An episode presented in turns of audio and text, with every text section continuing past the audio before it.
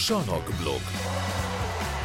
Az Eurosport heti tenisz podcastja Szántó Petrával és Dani Bálintal. Sziasztok! Szia Petra! Szia Bálint! Most én rövidre fogom.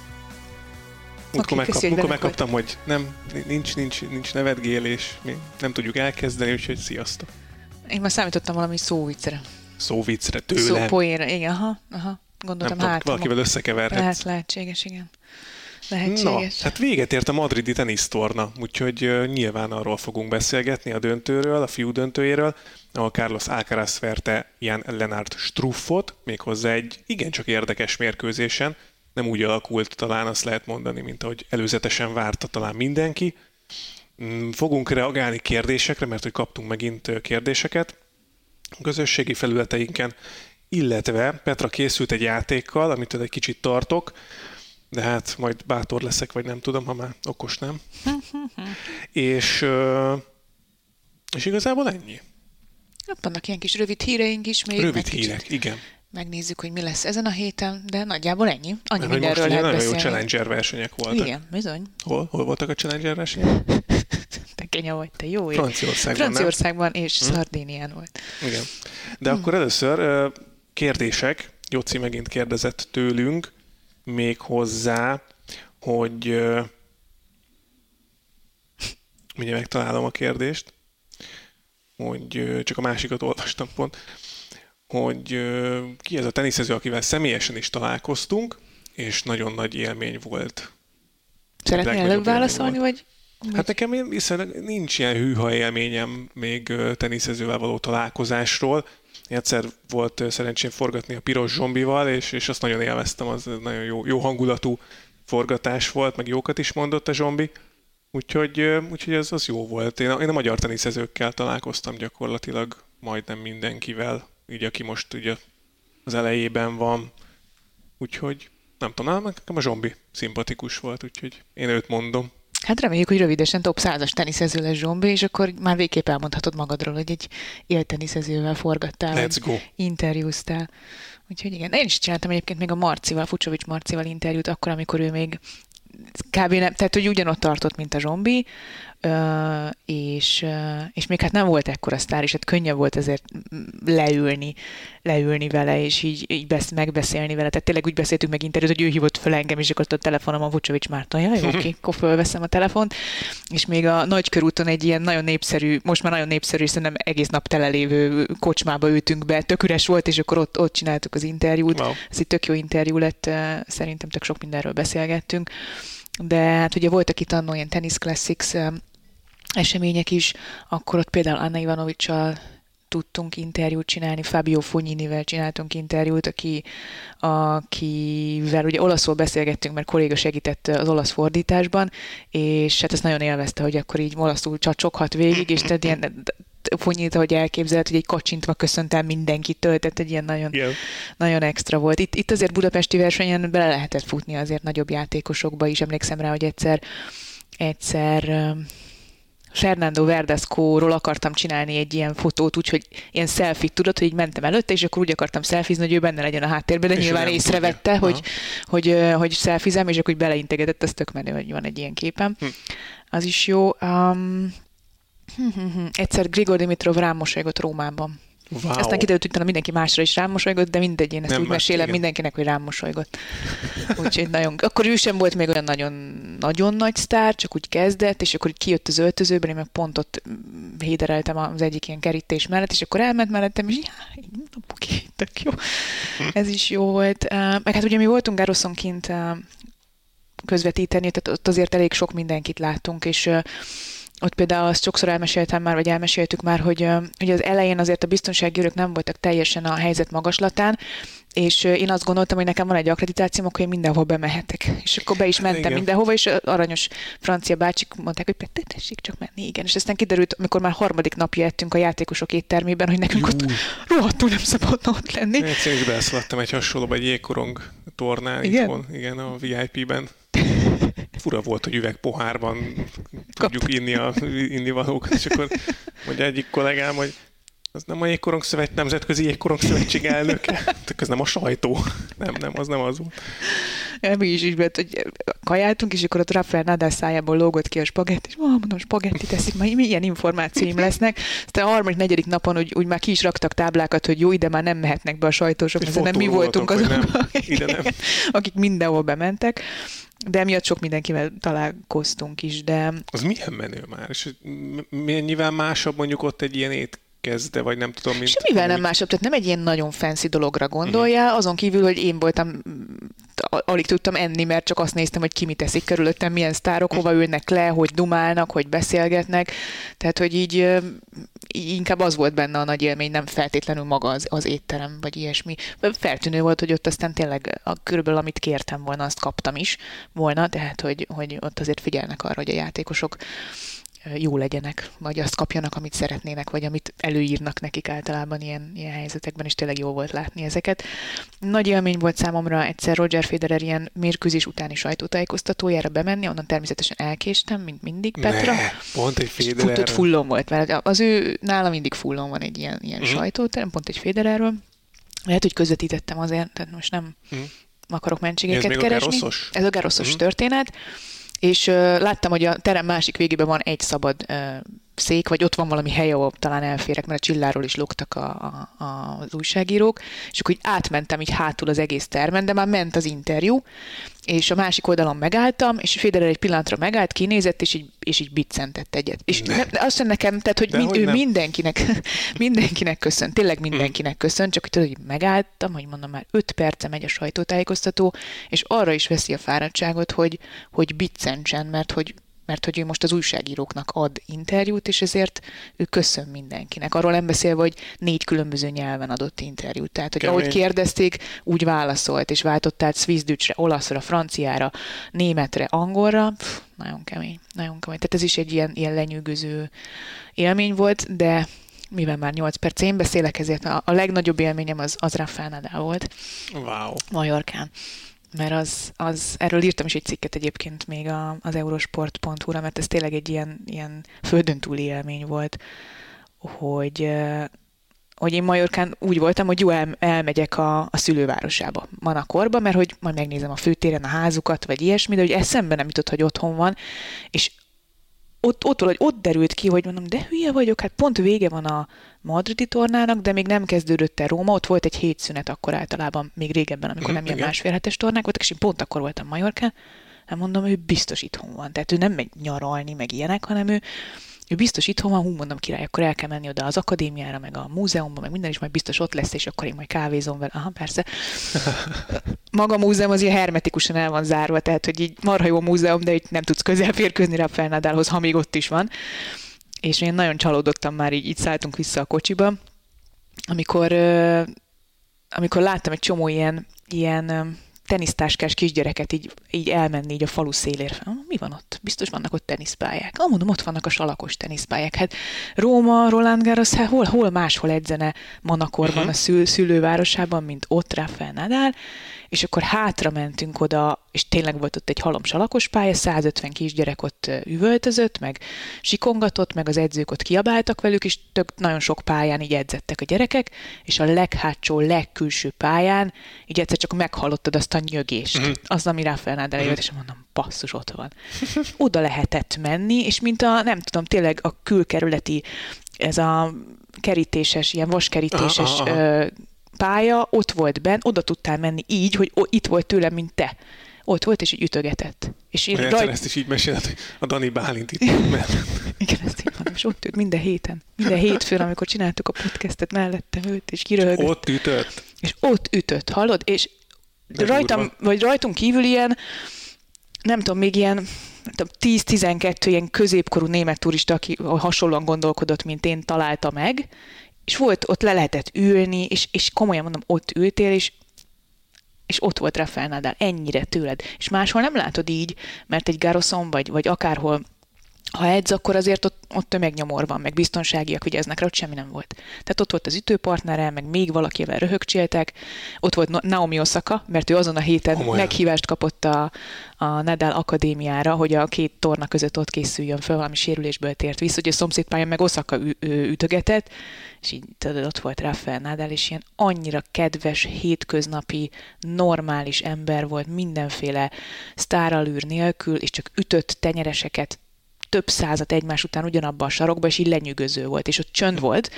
tehát az ember hallotta, hogy hogyan üti a labdát, amit nem hallasz egy versenyen, vagy egy edzésen, egy nagy versenyen, mert, mert akkor hangzavar van.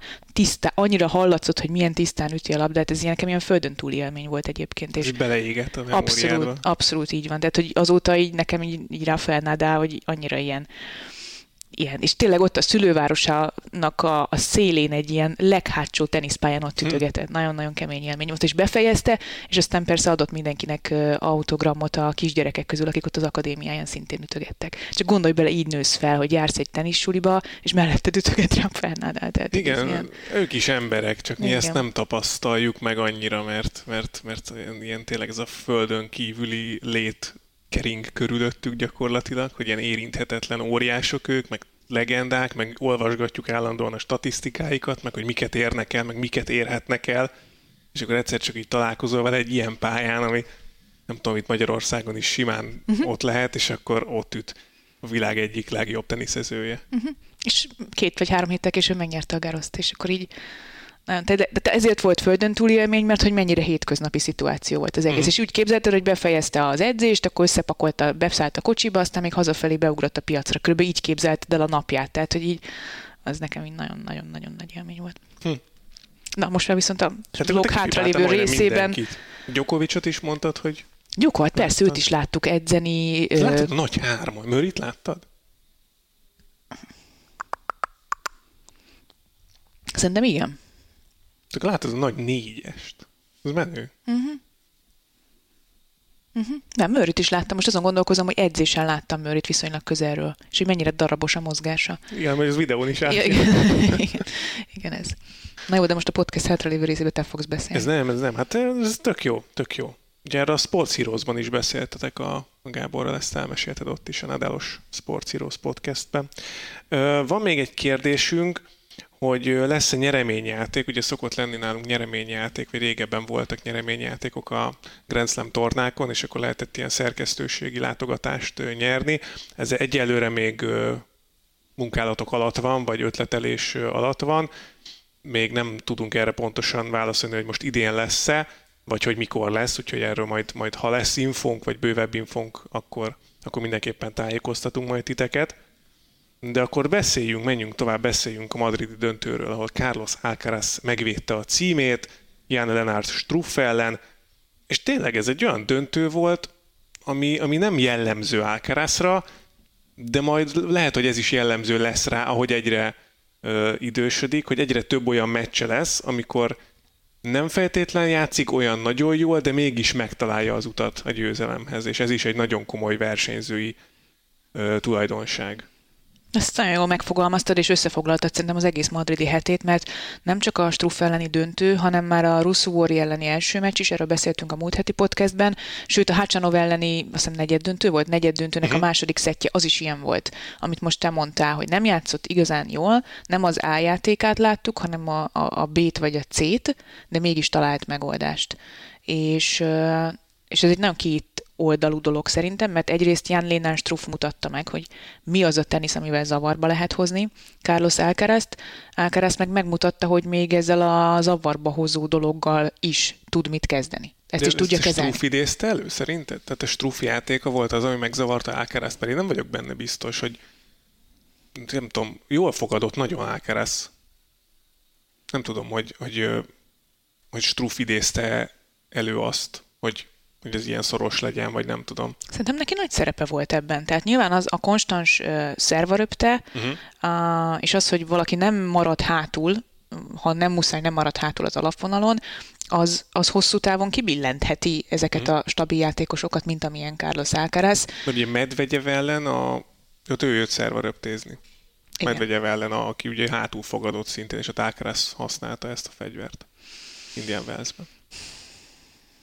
Lehet, hogy szerveröptés ellen nem tud szerveröptézni, tehát hogy, hogy, hogy az nem egy megoldás?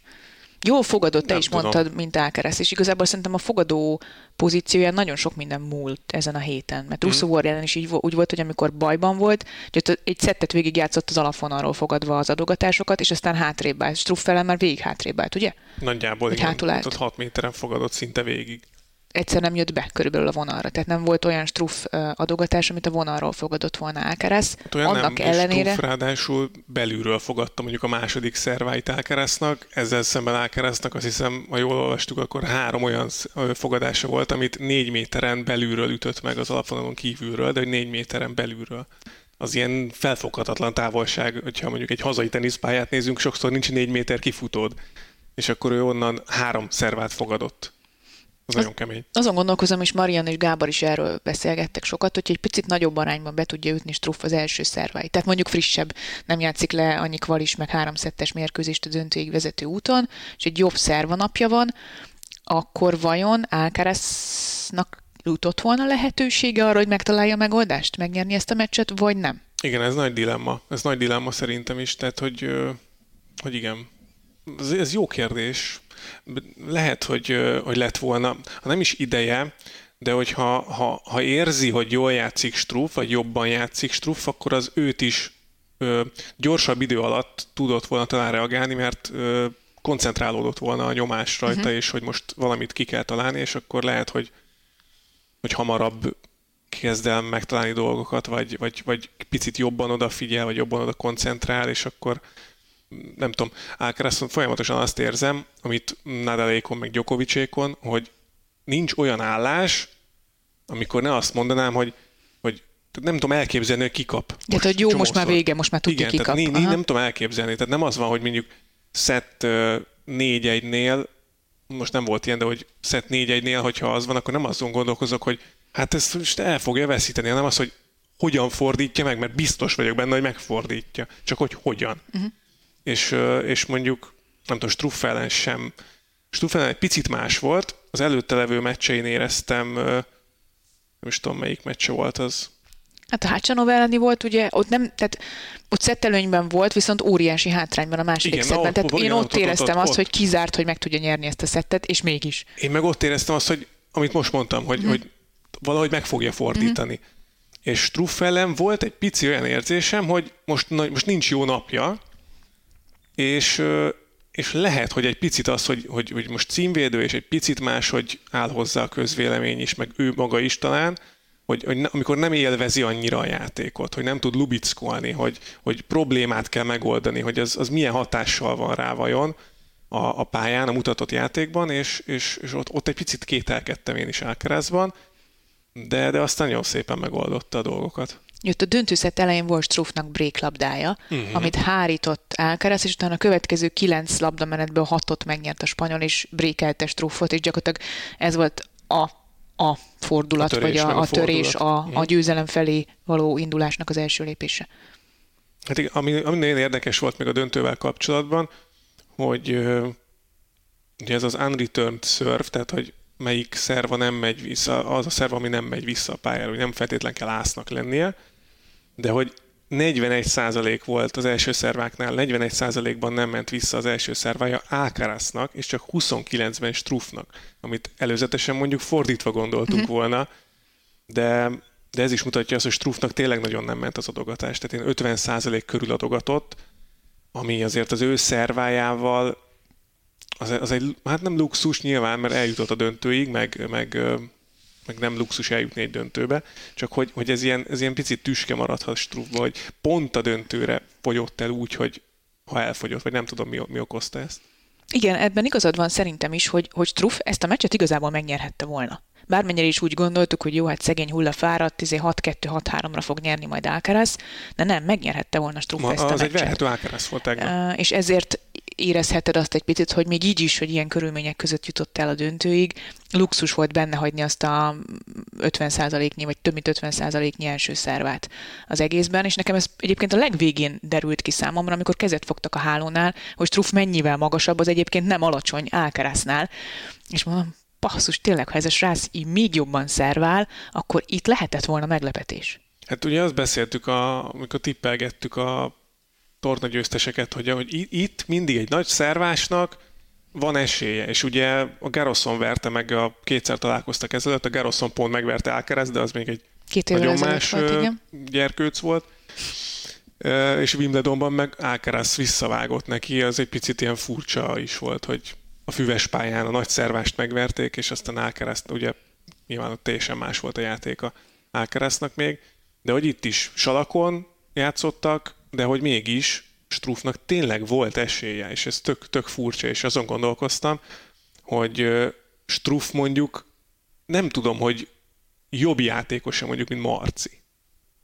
Én nem, nem mondanám azt, hogy Struff mérföldekkel jobb lenne mondjuk, mint Marci, és nem az, hogy simán játszott egy ezres döntőt, de hogy, hogy eljutott egy ezres döntőig selejtezőből, ami mutatja, hogy a top 100 is mennyire erős. Így Tehát, van. nem csak a top uh-huh. 10, hogy nem csak az sűrűsödött össze, hanem, hanem el tudott menni a, a selejtezőből szerencsés vesztesként, ugye, ami nem történt még meg soha ezres tornán, elment a döntőig. Ez nagyon érdekes, amit mondasz, hogy, hogy mondjuk Struff lényegében mennyire jobb játékos, mint egy Fucsovics Márton, mert lényegében nem sokkal. Talán egy picit tapasztaltabb, és más a játéka, mint az átlagnak. Tehát ez, ez a szerveröpte egy gyors borításon, ez, ez, ez okozhat meglepetéseket, de, de ugyanakkor meg talán Struff eddigi pályafutása a leg, erősebb példa arra, hogy ez hosszú távon nem nagyon működik. Ez Tehát úgy érted, hogy hosszú meccseken keresztül uh-huh. nem működik, vagy egy hosszú menetelésen keresztül, mint ahogy működött most, és, és uh, nekem egy picit uh, sok viszonylag sok struff meccset láttam ezen a héten. Én nem is feltétlenül a játékában keresném a, a, ezt, a, ezt a hetet, hanem, hanem abban, hogy egész egyszerűen ő úgy állt ki ezekre a mérkőzésekre, és nem tudom, mi volt az oka, lehet, hogy ez valami mentális átkattanás volt benne, hogy nem láttad azt rajta, hogy valamikor is föladná a dolgot. Uh-huh. Tehát, hogy amikor már úgy temetted, mert azt láttad, hogy nagyon fáradt, hogy nem jönnek az első szervák, hogy nem működik a szervaröpte, hogy elveszítette az első játszmát, hogy break hátrányban volt, ő akkor is ugyanúgy, ugyanazzal az arckifejezéssel ment előre, és mindig, nem azt mondom, hogy talált megoldást, de mindig elérte azt, hogy a, a másik a döntőszet végére pont ne legyen jól. És ez, ez nem tudom, hogy mitől függ egyébként. És ez, de, de én ezt valóban fejben tudom csak tenni ezt a megoldást, mert kétségtelen, hogy egy, nagy szerva, magas uh, szerva röptézik, tehát nyilván van ebben valami komfortosság ebben a játékban számára, de hogy ez nem egy stabil játék. Nem, nem ebbe, be lehet hibázni azért elég rendesen, meg hogyha nincs, nincs első szerva, akkor másodikra már tényleg nagyon kockázatos feljönni, ugye ebből láttunk is Ugye erre láttunk is példákat, hogy azért Alcaraz ütögetette el mellette második szervákat, amikor feljött a hálóhoz. Ettől még nagy sztori, szerintem, ami Struff ez csinált. És, sztori, persze, persze. Nem tudom, hogy ez valószínűleg most jelenleg azt érezhetjük talán, hogy ez ilyen egy, egy a sok, egy a, az egy egyszeri alkalom hm. volt, hogy most kijött neki a lépés, és akkor lehet, hogy soha többet nem látjuk Struffot négy között ezres tornán, vagy nem tudom, de, de hát most már bejött a top 30-ba ezzel, úgyhogy lehet, hogy az segítség lesz neki. A füves pályás szezonra kíváncsi vagyok egyébként. Uh-huh. Az jó lesz, az, az érdekes lesz. Ugye megverte Cicipászt a döntőig vezető úton, ö, sorrendben megyek, akkor Karacev volt a négy között az ellenfele, aki szintén, nem tudom, hogy mondtuk is, hogy került oda, de Karacev is élete egyik legjobb teniszét játszotta itt Madridban. Előtte Cicipászt verte meg, ugye háromszettes volt, vagy igen, háromszettes volt az is, megverte Kacsint, megverte Lajovicsot, aki tornát nyert Panyalukában, és Sheltont is legyőzte, aki egyre jobb, és az első körben meg Szonégót. Jó, Szonégó is komoly, jó salakos, igen. Vert Tehát, meg. hogy ez, ez komoly, komoly dolog volt a részéről, és, és ő nem fogyott el. Tehát, hogy nem azért kapott ki, mert fizikailag elkészült uh-huh. a döntőre. Karacev azért kapott ki az elődöntőben a Strufftól, mert ő fizikailag kész vége volt. És Struff nem. Ami, ami nekem nagyon lenyűgöző volt még benne, hogy mennyire hihetetlenül korrekt ember szerintem Struff. Tehát ahogy, ahogy az első dolga volt elismerni azt, hogy Karacevet azért győzte le, mert Karacevnek az utolsó egy-két játékban már volt valami fizikai problémája, hogy emiatt nem is örült úgy, ahogy ilyenkor illik örülni, hogyha bejutsz életedben először egy ATP ezeres döntőbe, ráadásul szerencsés vesztesként. Az egész ember egy annyira becsületes, korrekt, tisztességes csávónak tűnik, és nagyon-nagyon szimpatikus szerintem ez. De hát nyilván Carlos Alcarazról is a másik végle, végen el lehet mondani ugyanezt. Ja, most mondta, hogy Rómában várja, ugye tavaly nem volt Rómában, és hogy nagyon várja, hogy menjen. az ember mindig azt várja, hogy olyan helyre megy, vagy azt várja igazán, ahol szeretik, és ezt mindenhol szeretik, tehát ő nyilván szívesen megy mindenhova, de tesz is azért, hogy szeressük, mert, mert tényleg lenyűgözően játszott. Ugye most megvédte a madridi címét, azt hiszem a hatodik ember lett, a hatodik legfiatalabb lett, aki, aki megvédte a ATP címét. ezres véd, címet védett? Talán azt hiszem, de lehet, hogy most butaságot mondok, majd akkor Csak hatodik legfiatalabb. A legfiatalabb lett, aki hatodik legfiatalabb lett, azt hiszem, aki, Hm. aki ilyet, ilyet, ilyet csinált. Hát meg Barcelonában is megvédte a címét, meg hát azért elég sok meccset nyert ahhoz képest, hogy januárban még nem voltunk biztosak abban, hogy mennyire egészséges és hogy tudja majd ezt a szezont elkezdeni, azt az első szezont, ahol, ahol majd Grand Slam-et kell védenie. De hát egyelőre ezek a címvédések elég jól mennek. Ez volt a Eh, tizedik győzelme. Tíz. ATP torna győzelem, Nagyon 20 kemény. éves. Nagyon kemény. 20 évesen, és most megy Rómába, és ugye azt beszéltük, hogy hát gyakorlatilag csak ki kell tenni az ütőjét a, ahhoz, hogy világ első legyen. Igen, ha pályára lép az első fordulóban, akkor, ö, akkor világ első lesz újra. De hát Gyokovicsnak azért majd lesz még beleszólása. Muratoglu beszélt arról, hogy ha már Róma, akkor majd Gárosz is lesz, hogy, hogy szerinte Nadal az esélyes. Hogyha Nadal elindul a Garoszon, most már ez a kérdés, hogy Nadal elindul-e a Garoszon, mert Rómát is lemondta, ugye?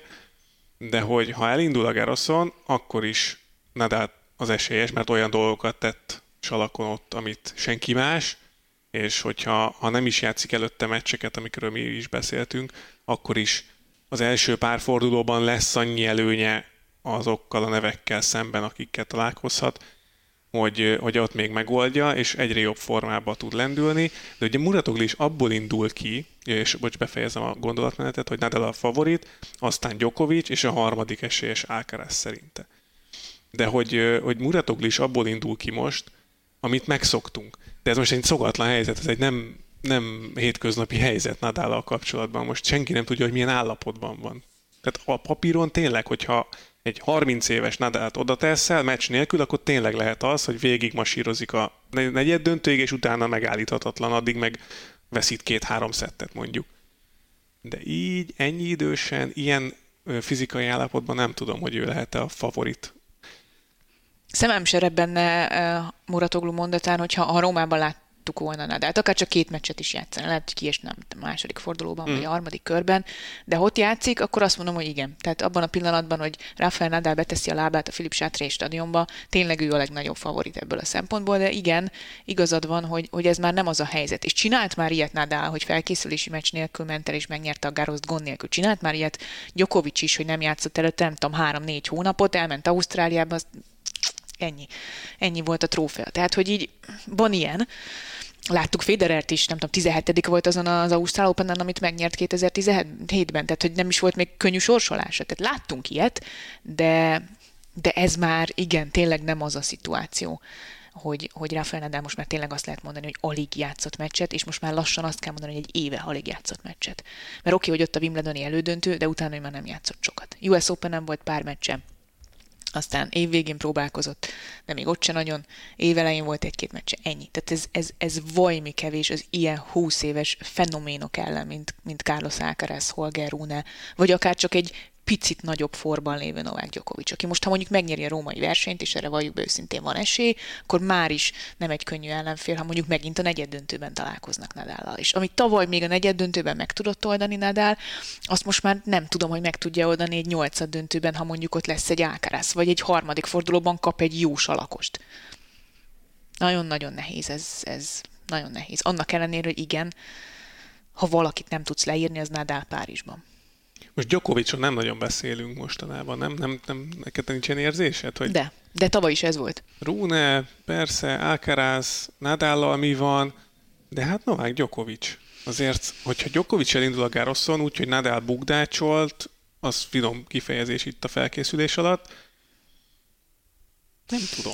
Nem tudom. Egyébként Djokovic is nagyjából Róma ezzel- lesz nagy igen, Djokovic is ezzel néz szembe, tehát ő is a negyed döntőben összefuthat, nem tudom, Alcarazzal nem, mert ugye ők különálló lesznek, de, de nem tudom, egy Rúnéval összefuthat, vagy akár csak egy Cicipasszal.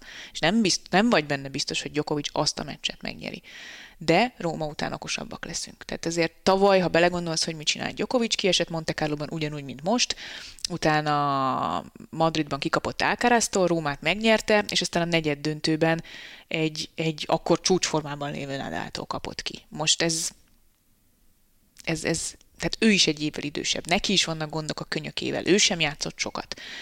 De nála ott van az, hogy oké, okay, gyerekek, most ha Gárosz nem jön össze, a Wimbledonban még mindig én vagyok az esélyes, és aztán utána mehetek újra a US Openre, ahol majd próbálja meg megvédeni a címét Carlos Alcaraz. Tehát, tehát Djokovicnak ott van még két Grand Slam, ahol, ahol nagyobb esélyei vannak, mint a Gároszon. Nadalnak nincs. nincs. Az utolsó nincs. dobás. Ez szerintem. az utolsó dobás.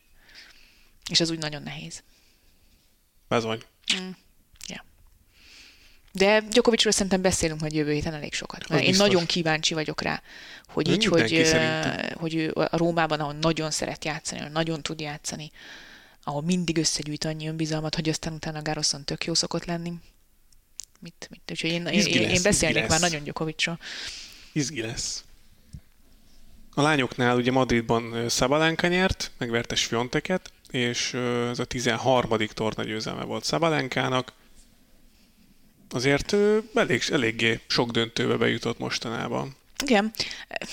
Most mondanám azt, hogy akkor most ez egy tök jogáros lesz, hogy Siontek, Szabalánka, meg még egy páran, Zsábőr, ilyesmi. Nem tudom, ez, ahogy szoktuk mondani, a Madrid az mindig más egy picit. Igen. Hát ott a nagy, a nagy adogatók azért eljuthatnak tornagyőzelemig. Most Szabalenka ugyanezt a, a lassabb Párizsi salakon meg tudja csinálni, vagy hogy Siontek nem fogja um, taktikusabban megnyerni a mérkőzéseit, az már egy, megint egy jó kérdés. De tényleg kétségtelen, hogy Szabalenka nem mondom, hogy csalak specialista lesz, mert nem, sose, de... Soha nem mondta, hogy soha. De, de, de egy nagyobb menetelés kijöhet neki. Ott is.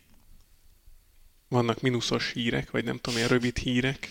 Hát igen, beszéltünk ezekről a Challenger tornákról, mert azért jó kis Challenger tornákat rendeznek általában az ATP ezres versenyek második hete alatt, és az azért van, mert olyan mezőn gyűl össze a már kiesettek között, hogy, hogy érdemes odafigyelni rájuk. Hugo Umber nyert a Kájári Open-t, Szardíniában, ahol Györe László győzte le a döntőben egy 3 óra 8 perces mérkőzésen. Nagyon Jó izgalmas lehetett. volt, 16 bréklabdával 12-t hárított Ümber. Uh pedig hát nem tudom, hogy a Kájár is alak az mennyire gyors, de gyanítom, hogy nem olyan gyors, mint a, a madridi. Ha szép idő volt, akkor valószínűleg egy gyorsabb borítás volt. De azt az... néztem, azt nézted a WhatsApp csoportban, hogy azt írták nekünk, hogy a madridi salak az lassabb volt, mint a Monte Carlo. igen. Ez létezik? Ez furcsa nekem. Ez furcsa, Jaj, főleg úgy, hogy Monte Carlo-ban... a számoknak, nem is, nem is igazak nem a tudom, számok. ki mérte az, de Monte Carlo-ban ott ugye az utolsó szombaton ott elég sokat esett ráadásul az eső. Nem, nem tudom, szerintem valamit ott, ott félrement. Szerintem is. is info, de csak így néztem, te is láttad? Igen? Ümber egyébként a negyed döntőben Daniel Táró győzte le három meccslabdáról. Tehát, hogy egy Challenger torna győzelemért is mit össze nem küzd, meg verejtékezik az ember, nem egy Hugo Ümber, akinek szintén szerintem top 20 a ban kéne lennie tehetsége alapján. És hát Andy Murray tornát nyert. Sir Andy Murray. Challenger tornát után. nyert. 19, négy éve nyert legutóbb. Nagyon kemény. Nagyon kemény. Ez egy franciaországi. Volt az a rögtön. Meg, meg se próbálkozunk kiejteni a nevével. Egy Provence Challenger torna, én nem kísérelném meg kiejteni a település nevét. Benne van az, hogy Provence, úgyhogy ebből tudjuk, hogy Provence-ban volt. Tommy Paul győzte a döntőben, tehát ez egy Murray Paul döntő, ez akár nem tudom, egy 500-as torna döntője is lehet. Simán, simán. Tehát, hogy így mind a ketten magasabban rangsorolt játékosok, mint Struff volt a hét elején, hát igen. Szóval érdekes ez. 17 év és 8 hónap után nyert Challenger tornát újra Murray. Jó, ez, de ez így poém, mert érted, hát azért közben nem challengereken indult, de azért volt egy-két alkalom, amikor Murray kénytelen volt challenger tornákon játszani. A harmadik top 20-as győzelmét aratta már idén, mert ugye Tommy Paul Ausztrálban elődöntős volt, a Kapulkóban döntőt játszott, és 2016 Róma óta az első salakos torna győzelme volt ez Murraynek. Na, hát ez, ez is egy jó, de nagyon örült neki, láttad a, a meccslabda után, nagyon, nagyon, nagyon örült egy Challenger torna győzelemnek de is. De full, tehát hogy elém is mondta a diátodon, hogy, hogy hogy a szurkolók zseniálisak voltak. Tehát mondom, minden edzését végig kiabálták, amikor mhm. ütögetett, uh-huh. minden meccsén ott voltak, teltház volt, tehát nyilván most érted ott, vagy ebben a Provence kisvárosban, vagy kisfaluban, ott gondolom ott is a falu szélén, vagy város szélén van a, a kettő darab salakos pálya, hát jó, hogy kimegyek megnézni ennél, mert minden lépését, nem? Tehát, hogy ez tök jó, de szerintem ez tök szuper, szuper egy hír. Volt Illetőleg, hogy Andrei Rublev és Karen Hacsanov nyerte a madridi páros tornát. Az hogyan? Az, Rubjovnak ez a második ezres győzelme, csak most nem igen, hanem igen. párosban Mondta nyert. is a interjúban a meccs végén, hogy ugye ő már nyert, és hogy most megvárta a legnagyobb torna győzelmével Hácsanovot, hogy akkor ezt együtt, haver. Tök jó. Jó pofa ez. Verte kiemelteket is, nem is kettőt, hármat talán? Mhm. Tehát Hát a... Vég, Víneszékat talán Igen, megverték, meg a másik- Pavicsékat is ők verték. Mintha az rém lenne, hogy a, az elején, az első pár meccsükön valamelyiket, a második meccsüket talán Pavicsék ellen nyerték, de hogy, hogy megharcoltak érte. Hm, megharcoltak érte, és hát mondjuk nem tudom, ebből akár még egy olimpiai aranyérem is összejöhet, ha belegondolsz, hogy jövőre ugye Párizsban a Roland Garroson rendezik majd az olimpiai teniszversenyeket, és hát ugye az oroszok már Tokióban is elég szépen elhozták ezeket a párosokat, nő, nőknél vegyes párosban is, meg, meg eh, férfi párosban nem, de ott horvát döntő volt, de de hát oda kell figyelni, itt vannak nagyon jók, és ez Rubjov és Hacsanov marha jól játszik együtt ezek szerint, tehát hogy Igen, lehet, hogy ez is olyan volt, hogy kijött nekik a lépés, de azért, azért mind a kettőknek van egy nagy szervája. Nem tudom, a röptejáték azért az kérdéses nálam, de Rubjov és Hácsanov nem, nem egyik őrükre se az jut eszembe, hogy hát lehet, hogy így csiszolják. amúgy igen, ez simán, bele, ez simán benne van. Versenyen edzenek. Babos Timiről akartam még egy picit beszélni, mert uh, ugyan azért nem VTA szinten, egy, egyen lejjebb ITF szinten, de, de keményen dolgozik Timi az elmúlt időszakban, hogy visszakapaszkodjon a világranglistán, és hát az elmúlt egy hónapban már a harmadik trófeáját szerezte meg. Ezek ugye kisebb ITF versenyek, nyilván nem olyan nagy uh, hírverés jár velük, mint mondjuk egy páros Grand Slam győzelemmel, de múlt héten a ciprusi Alaminosban is nyert egy meccset, vagy ö, tornát, ráadásul a a döntő, döntőszett tiebreakben nyerte meg 4 óra 1 perc alatt. Én nem is, hát ez ezt- három szettes meccset nem is láttam még négy, négy óra fölött, szerintem. Timi is azt írta egyébként, hogy ez a leghosszabb meccse volt életében, nem is Ja. csodálkozom rajta. Úgyhogy megküzdött ezért. reptéren, ott azt, láttad az, inst, láttad az Insta, Insta sztoriát? Hogy a, a sztorit nem. kocsiba, nem tudom, hogy hajnal négykor indult a gépe, és nem, nem, is, nem is tudott fotelt foglalni, vagy nem tudom, valami ilyesmi volt, hogy ko- kocsiból jelentkezett be, nem tudom, negyed háromkor.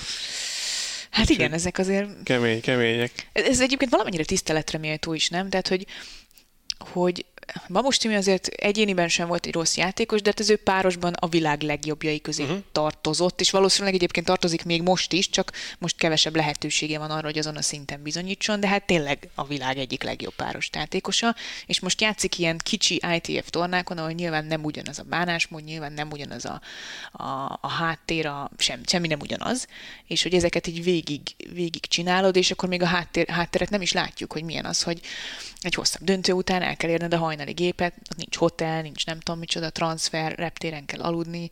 Uh, nyilván itt a pénzdíjak sem olyan nagyok, hogy most akkor te ötcsillagos szállodába lakjál, vagy ilyesmi. Tehát hogy ezek nagyon érdekes szituációk, hogy egy befutott elit játékosnak valahogy előről kell kezdenie, Hát és igen, hogy ehhez, ehhez ezeket a pici dolgokat meg kell csinálni, amiket mondjuk utol, utoljára junior korában, vagy, vagy a pályafutása elején csinált meg. Tehát Ilyen visszajött. szempontból azért a teniszezők szerintem szerencsések, vagy nem tudom, ez egy olyan játék, ami azért megtanít alázatosnak lenni. Az biztos, igen. Ez egy olyan sport, hogy, hogy nem, nem száll el szerintem, de nem, nem nagyon tudok olyan teniszezőt mondani a közelmúltból, aki, aki tényleg így nagyon elszállt volna.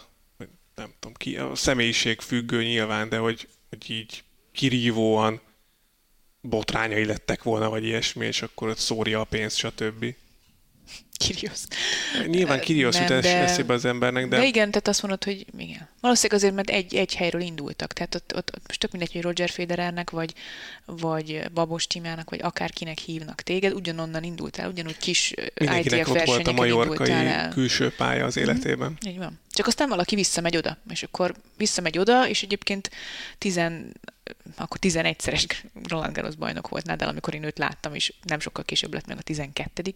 címe, vagy 11-szeres Roland Garros bajnokként ott vagy a külső kis hátsó pályán. Szerintem zseniális. Na mindegy, szóval ez igen, igazad van tulajdonképpen ez a, ez a tanulság, az erkölcsi tanulság, hogy a tenisz azért valamennyire megtanít az alázatra.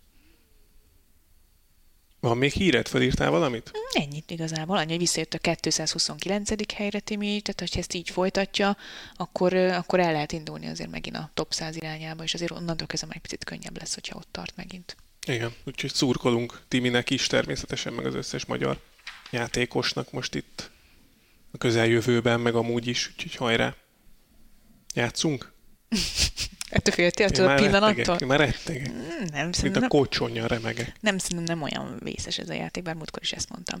Igazából arra gondoltam, hogy mivel most pont két ATP ezres torna közötti üres járatban vagyunk két-három napig, ezért az ATP ezres tornákról uh-huh. állítottam neked össze egy kvízt. Atya világ. Gondold végig, hogy hány és milyen ATP ezres tornák vannak, tehát a helyszíneket, és mindegyikről mondok egy mondatot, és találd ki, hogy melyik. Uh-huh. És nem tudom eldönteni, ez most egy tök, neked tök könnyű játék lesz, és mindegyikre így rávágod, vagy majd lesz benne esetleg szivatós, de Na jó, ennyi. Van, van egy-egy mondatom mindegyikről.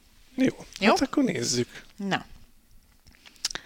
Ezen a ATP ezres versenyen a centerpálya nagyobb befogadó képességű, mint egyes Grand Slamek centerpályai. Hm. Uh-huh. Ugye ez, az már tízezres nagyságról beszélünk szinte Nagyobb. bőven. Nagyobbról. Hm. Ugye Monte Carlo nem olyan nagy, de hogyha előről megyünk, hát még Indian Wells az lehet, az simán lehet szerintem. De hogyha belegondolok még, a többi az annyira azért nem nagy, de az Indian Wells az rohadt nagy. Az a, a center pályája. Most, most hirtelen most csak arra tudok gondolni, hogy Indian Wells. Indian Wells, igazad van. Tizen, több mint 16 ezres. Kemény. Uh, és egyébként az Egyesült Államokban is a második legnagyobb teniszstadion az Arthur S. után, és nagyobb, mint a, a Philip Chatrier, nagyobb, mint a Rod Laver, már befogadó képességben, és a Wimbledoni Center pályánál is, hogyha jól tudom. Tehát csak az Arthur S. nagyobb ezek közül. Ez komoly. Az Indian Wells. Úgyhogy ez eddig egyből egy. Következő mondatom. Vegyes torna, mégsem találkoznak a női és a férfi játékosok. Hm. Vegyes torna, mégsem találkoznak a női és férfi játékosok. Tehát ugye ez azt jelenti, hogy van VTA és ö, ATP torna is, és ugye ezres tornáról uh-huh. beszélünk. Hát a madridi az ilyen. Akkor a tudom, a kanadai ezres verseny, mert hogy ott hát ott nem tudom, Montrealban, Montreal meg Toronto. Toronto. És ott váltogatják minden évben, tehát egyik városban a lányok, fiúk, Igen. és aztán a következő évben fordítva. Nagyon jó, eddig nagyon jó vagy, látod? Hoppá! Következő. Daniel Medvegyev a címvédő. Daniel Medvegyev a címvédő. Hát... Ö...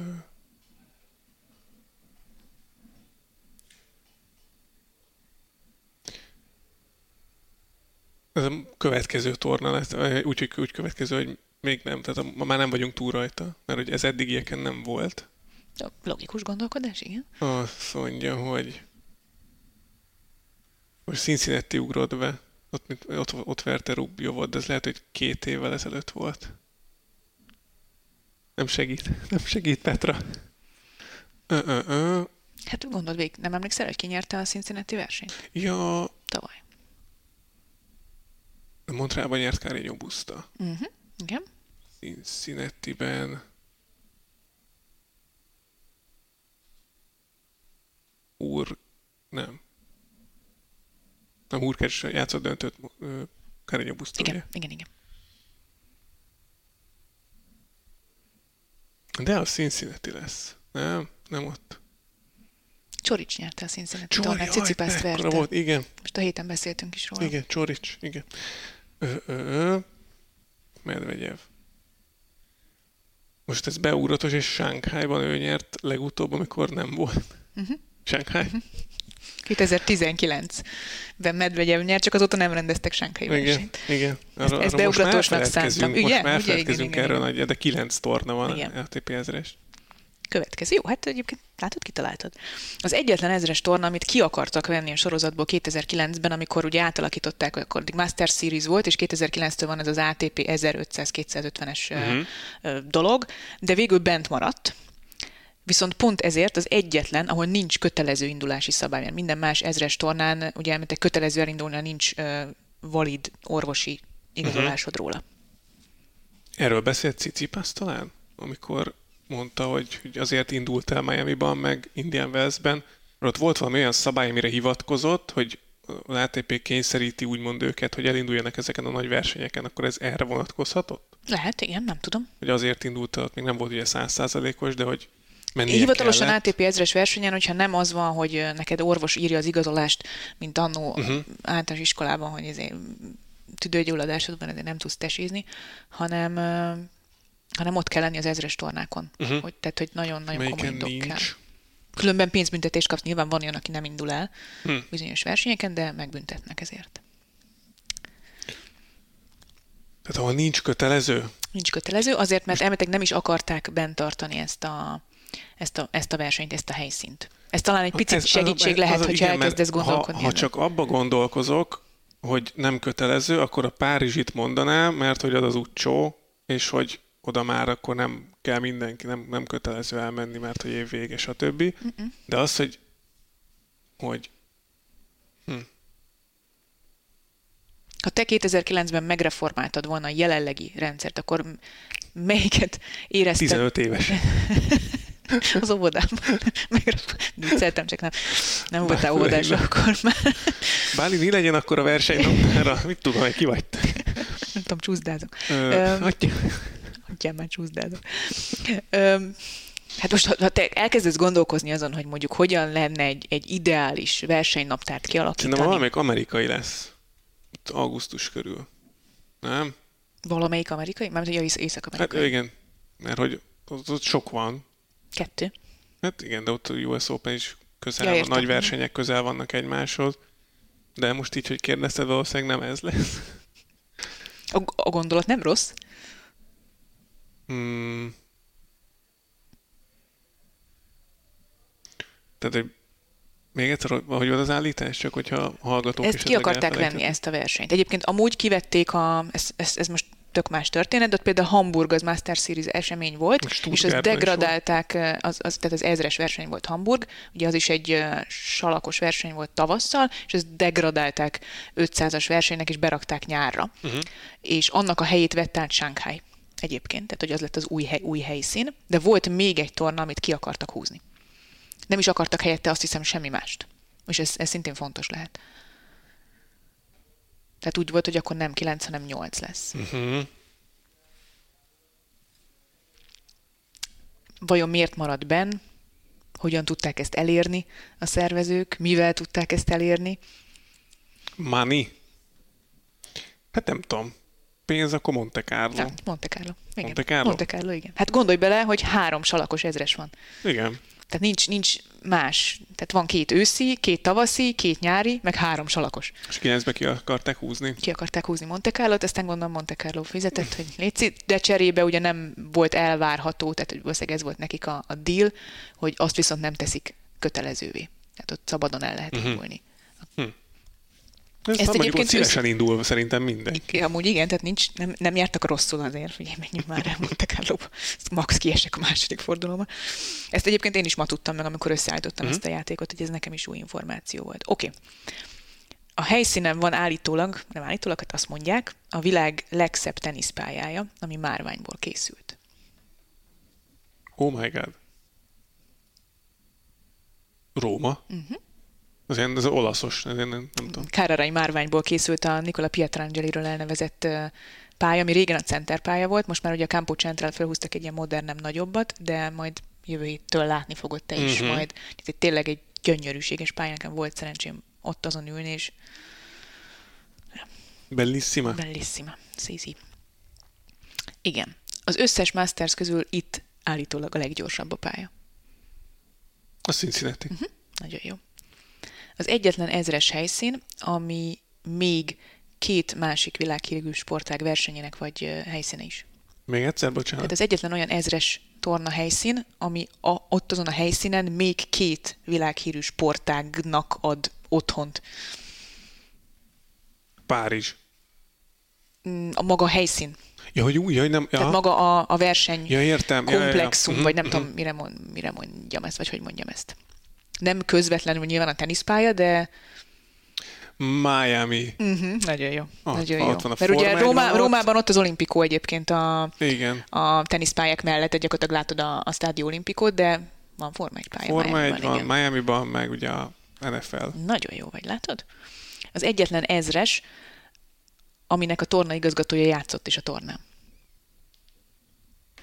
Hát most csak Madrid jut eszembe Feliciano Lópezzel. Így van, mert annyi maradt. Végeztél a Ja, játékkal. tényleg? Párizs? Mi, mi volt Párizs? Ja, Párizs nem mondtam. Basszus, nem írtam Párizst.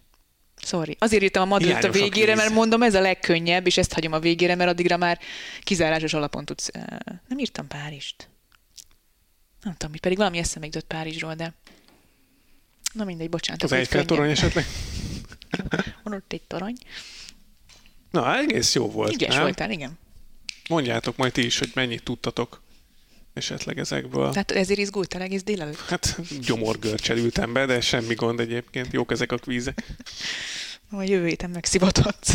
Jövő héten akkor majd én találok ki valami játékot, és akkor Petra izzadhat. Na, meg hát akkor kezdődik Róma, úgyhogy jövő héten már abba is így felemásan fogunk belevágni, úgy, ahogy Madridban történt, tehát nem, nem lesz még vége a tornának, de majd a közepénél valahol becsatlakozunk a, az eseményekbe, és akkor ö, várok titeket jövő héten is Petrával, addig is hallgassátok az Eurosport többi podcastjét is a Soundcloudon, illetve kommenteljetek is, hogyha van kérdésetek, és akkor megpróbálunk válaszolni rájuk. Hogyha valami hosszabb kommentet akartok, akkor kövessétek be a Salakblog Facebook oldalát, és akkor ott az aktuális adás alatt a komment szekcióban írjatok nekünk. Megtalálhatók vagyunk a Spotify-on, az Apple Podcast-en, a Google Podcast-en, most már egész jól megy, nem? Uh-huh. Úgyhogy hallgassatok bennünket ott is, a kedvenc platformjaitokon, iratkozzatok fel, kommenteljetek, és akkor jövő héten találkozunk. Sziasztok!